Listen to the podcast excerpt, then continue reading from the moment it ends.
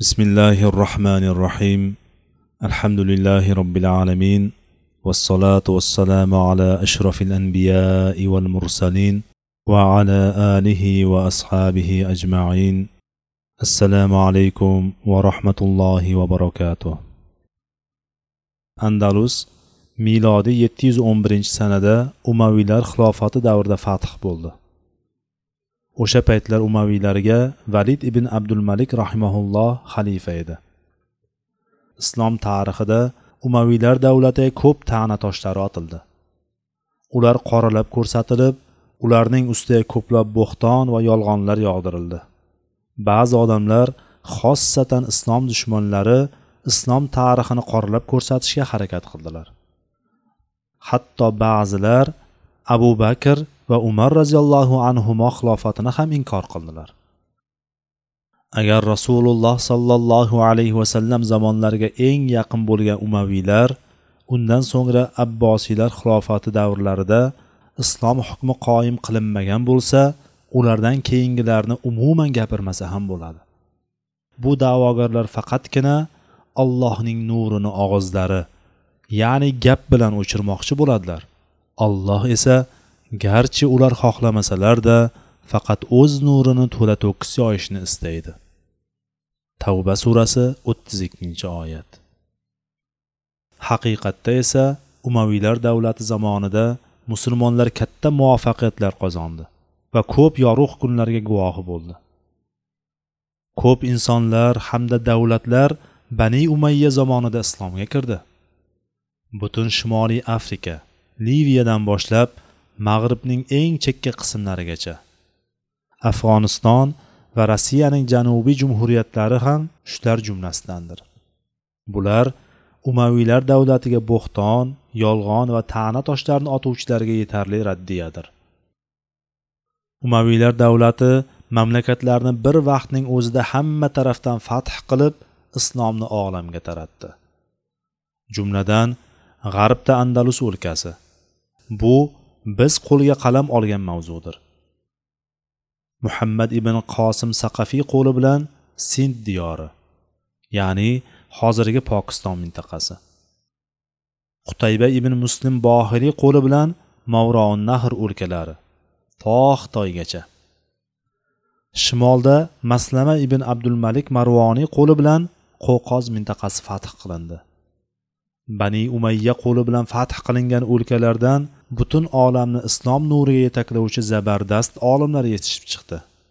Jumladan imom buxoriy muslim termiziy nasoiy tabariy ibn xoldun zahabiy ibn sino farobiy kindiy beruniy va boshqalar. Umaviylar xato va ayblardan xoli bo'lgan demoqchi emasmiz. Zotan inson zoti xatokordir. Bani umayya tarixida ko'p xatolar sodir bo'ldi. Lekin bu xatolar ularning hasanot va yaxshiliklari dengizida yuvilib ketishida shubha yo'q inshaalloh. Umaviylar davlati milodiy olti yuz oltmishinchi yetti yuz elliginchi hijriy qirqinchi bir yuz o'ttiz ikkinchi sanalar mobaynida to'qson ikki yil saltanatda hukm surdi. Umaviylar davlati asoschisi buyuk sahoba muoviya ibn abi sufyon roziyallohu anhumodir. Ko'pchilik u kishi haqida uning xilofati haqida badgumon bo'lish bilan birga uni qoralashdan ham tilini tiymaydi. Lekin muoviya ibn abi sufyon roziyallohu anhumoning islom va musulmonlar uchun qilgan ulkan ishlarini e'tibordan qochiradilar. Umaviylar tarixini batafsil zikr qilish o'rni bo'lmagani sabab bu o'rinda mavzuyimiz uchun foydadan xoli bo'lmagan. Va mavzuyimizga muqaddima tarzida umaviylar tarixidan ba'zi ma'lumotlarni siz azizlarga havola qilib o'tishni lozim topdik. Muoviya ibn abi sufyon roziyallohu anhudan keyin umaviylar xilofati davom etdi. Umaviy xalifalardan mashhurlari abdulmalik ibn marvon rahimaulloh uning ortidan o'g'illari valid sulaymon yazid va hishom hokimiyat tepasiga keldi. Ulardan keyin saltanat tepasiga kelgan va ko'pchilik olimlar beshinchi xulofoyi roshid deb e'tibor qilgan olamni adolat omonat rahmat va to'kin sochinlikka to'lg'azgan xalifa umar ibn abdulaziz rohimaulloh edi. U ham bani umayyadan edi. Andalus va uning fathi bani umayya hasanotlarining eng ulug'laridan bo'lib tarix sahifalariga o'yib bitildi. Islom shimoliy afrika o'lkalariga andalus fathidan yetmish yil oldin ya'ni milodiy 644 sanada kirib bordi.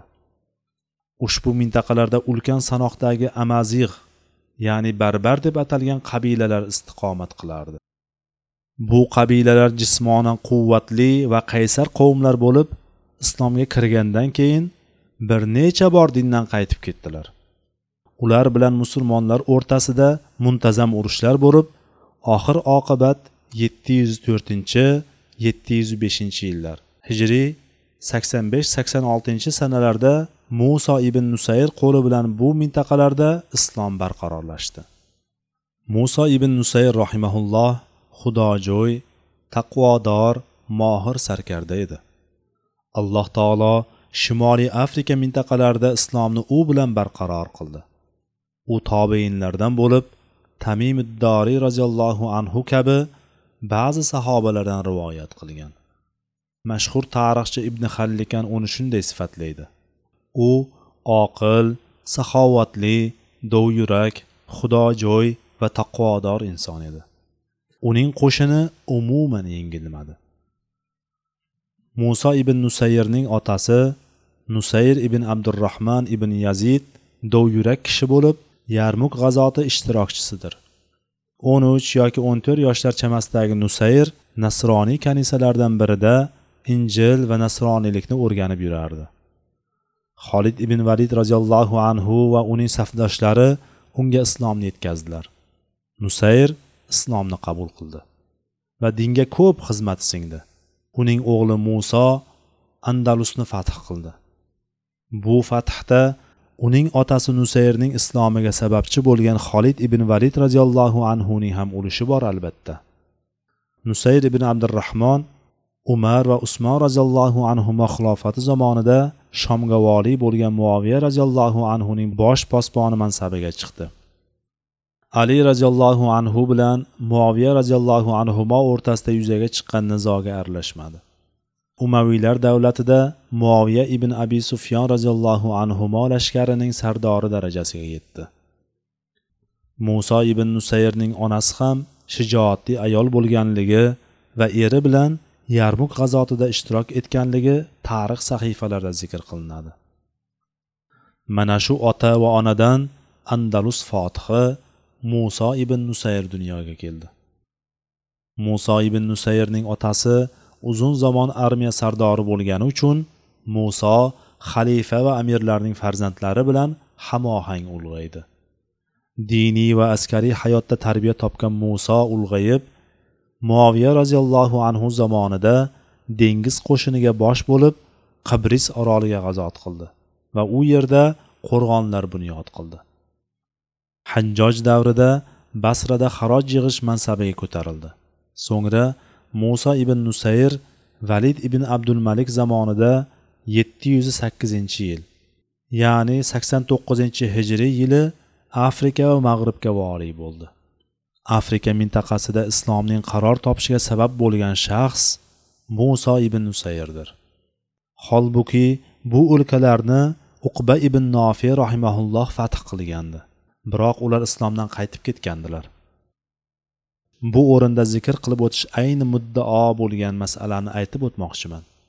Musulmonlar Allohning haq dinini yetkazishga xalqlarni zulm, istibdod va bandalarga qul bo'lish zulmati va jaholatidan olamlarni yaratgan barhaq Parvardigorga ibodat qilish, adolat, teng huquqlilikka targ'ib qiluvchi nurni olamga yoyishga ma'mur bo'ldilar.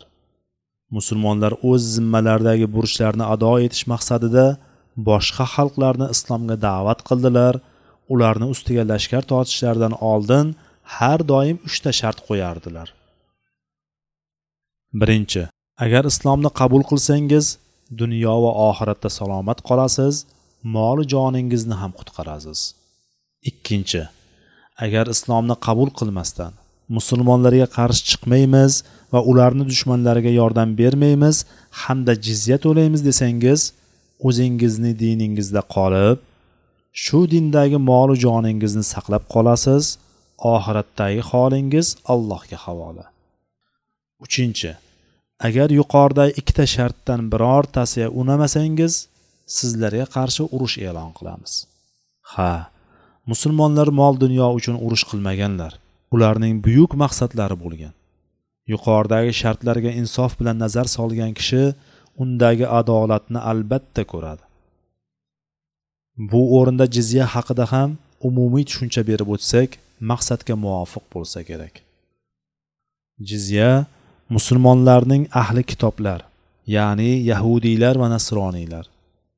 Aksar fuqaholar nazdida majusiylar va ba'zi fuqaholar nazdida mushriklardan ularni mudofaa qilishlari muqobilida olinadigan to'lovdir. Agar musulmonlar ularni himoya qila olmay qolsalar olgan jizyalarni qaytarib beradilar. Islomning rahmat va adolat dini ekanini isbotlovchi dalillardan biri jizyaning faqat ma'lum toifa insonlar zimmasigagina yuklanishidir. Jizya balog'atga yetgan sog'lom va boy erkak kishilardan olinadi. Balog'atga yetmagan kasal nogiron jang qilmay ibodat uchun e'tikofda o'tirgan kishi kambag'al hamda ayol kishilardan olinmaydi. Aksincha musulmonlar hukmida bo'lgan nasroniy yahudiy majusiy va mushriklar agar faqir bo'lsalar jizya berish o'rniga musulmonlarning davlat byudjetidan ya'ni baytul moldan haq oladilar. Jizyaning miqdori esa bir yilda bir marta zimmiy ya'ni musulmonlar hukmida bo'lgan kofir kishi boshiga bir dinordir. Agar zimmiy islomga kirsa undan jizya soqit bo'ladi. Shuningdek u musulmonlar safida jangda ishtirok etsa bu uchun haq ham oladi. Jizya hokimlar o'z xalqiga majburiy qilgan har qanday soliqdan nalog va to'lovlardan ozdir. Nafaqat jizya hatto butun molidan bir yilda bir marta chiqaradigan ikki yarim foizni tashkil qilgan zakot ham ularning soliqlaridan kamdir.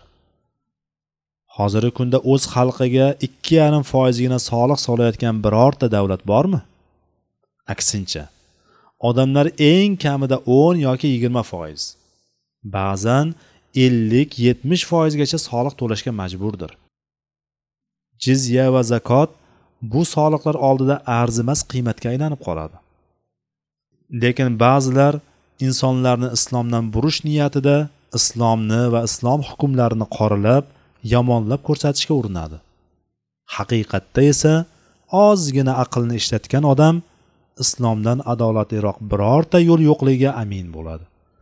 Hatto rasululloh sollallohu alayhi vasallam zimmiylarga toqatidan ortiq narsani taklif qilmanglar deyish bilan birga shunday qilgan kishini qattiq ogohlantirdilar ham.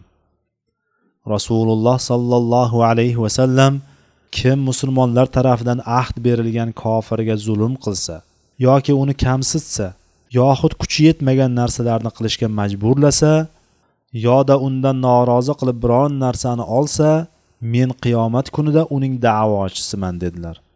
Abu dovud rivoyati alboniy sahih degan. Ya'ni men u bilan husumatlashaman hujjatlashaman dedilar.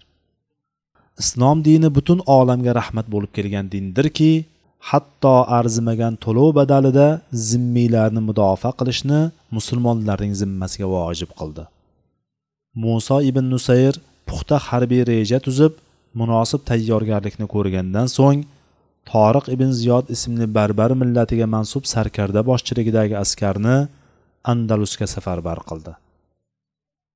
U ma'lum vaqtdan keyin o'zi ham uning ortidan bordi. Alloh taolo musulmonlarga o'zining mislsiz nusrat ne'matini berdi. Musulmonlar uch yarim yil mobaynida ya'ni yetti yuz o'n birinchi yetti yuz o'n to'rtinchi sanalarda andalus o'lkasining birgina shimoli g'arbiy qismidagi los pikos mintaqasini hisobga olinmasa to'liq fath etdilar. Zulm istibdod va jaholat girdobida kun kechirib yurgan andalus xalqi o'z yerlariga kelgan musulmonlardagi insoniylik sifatlarini ko'rib hang mang bo'lganlaridan qirollari roderikka quyidagi ma'nolar bitilgan maktubni yo'llaydilar. Bizning yerimizga shunday bir qavm keldiki ular osmon ahlidanmi yoki yer ahlidanmi bilolmadik ular musulmonlardagi kabi oliyjanoblik insoniylik adolatga hali butun tarixlar mobaynida duch kelmagan edilar. Faraz qiling bir davlat bosib olinyapti.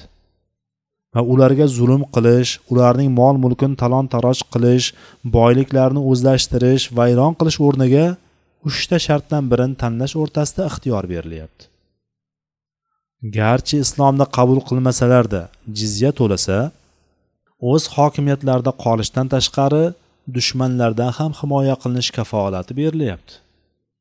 Ha bu hukmlar faqat islom dinidagina bor.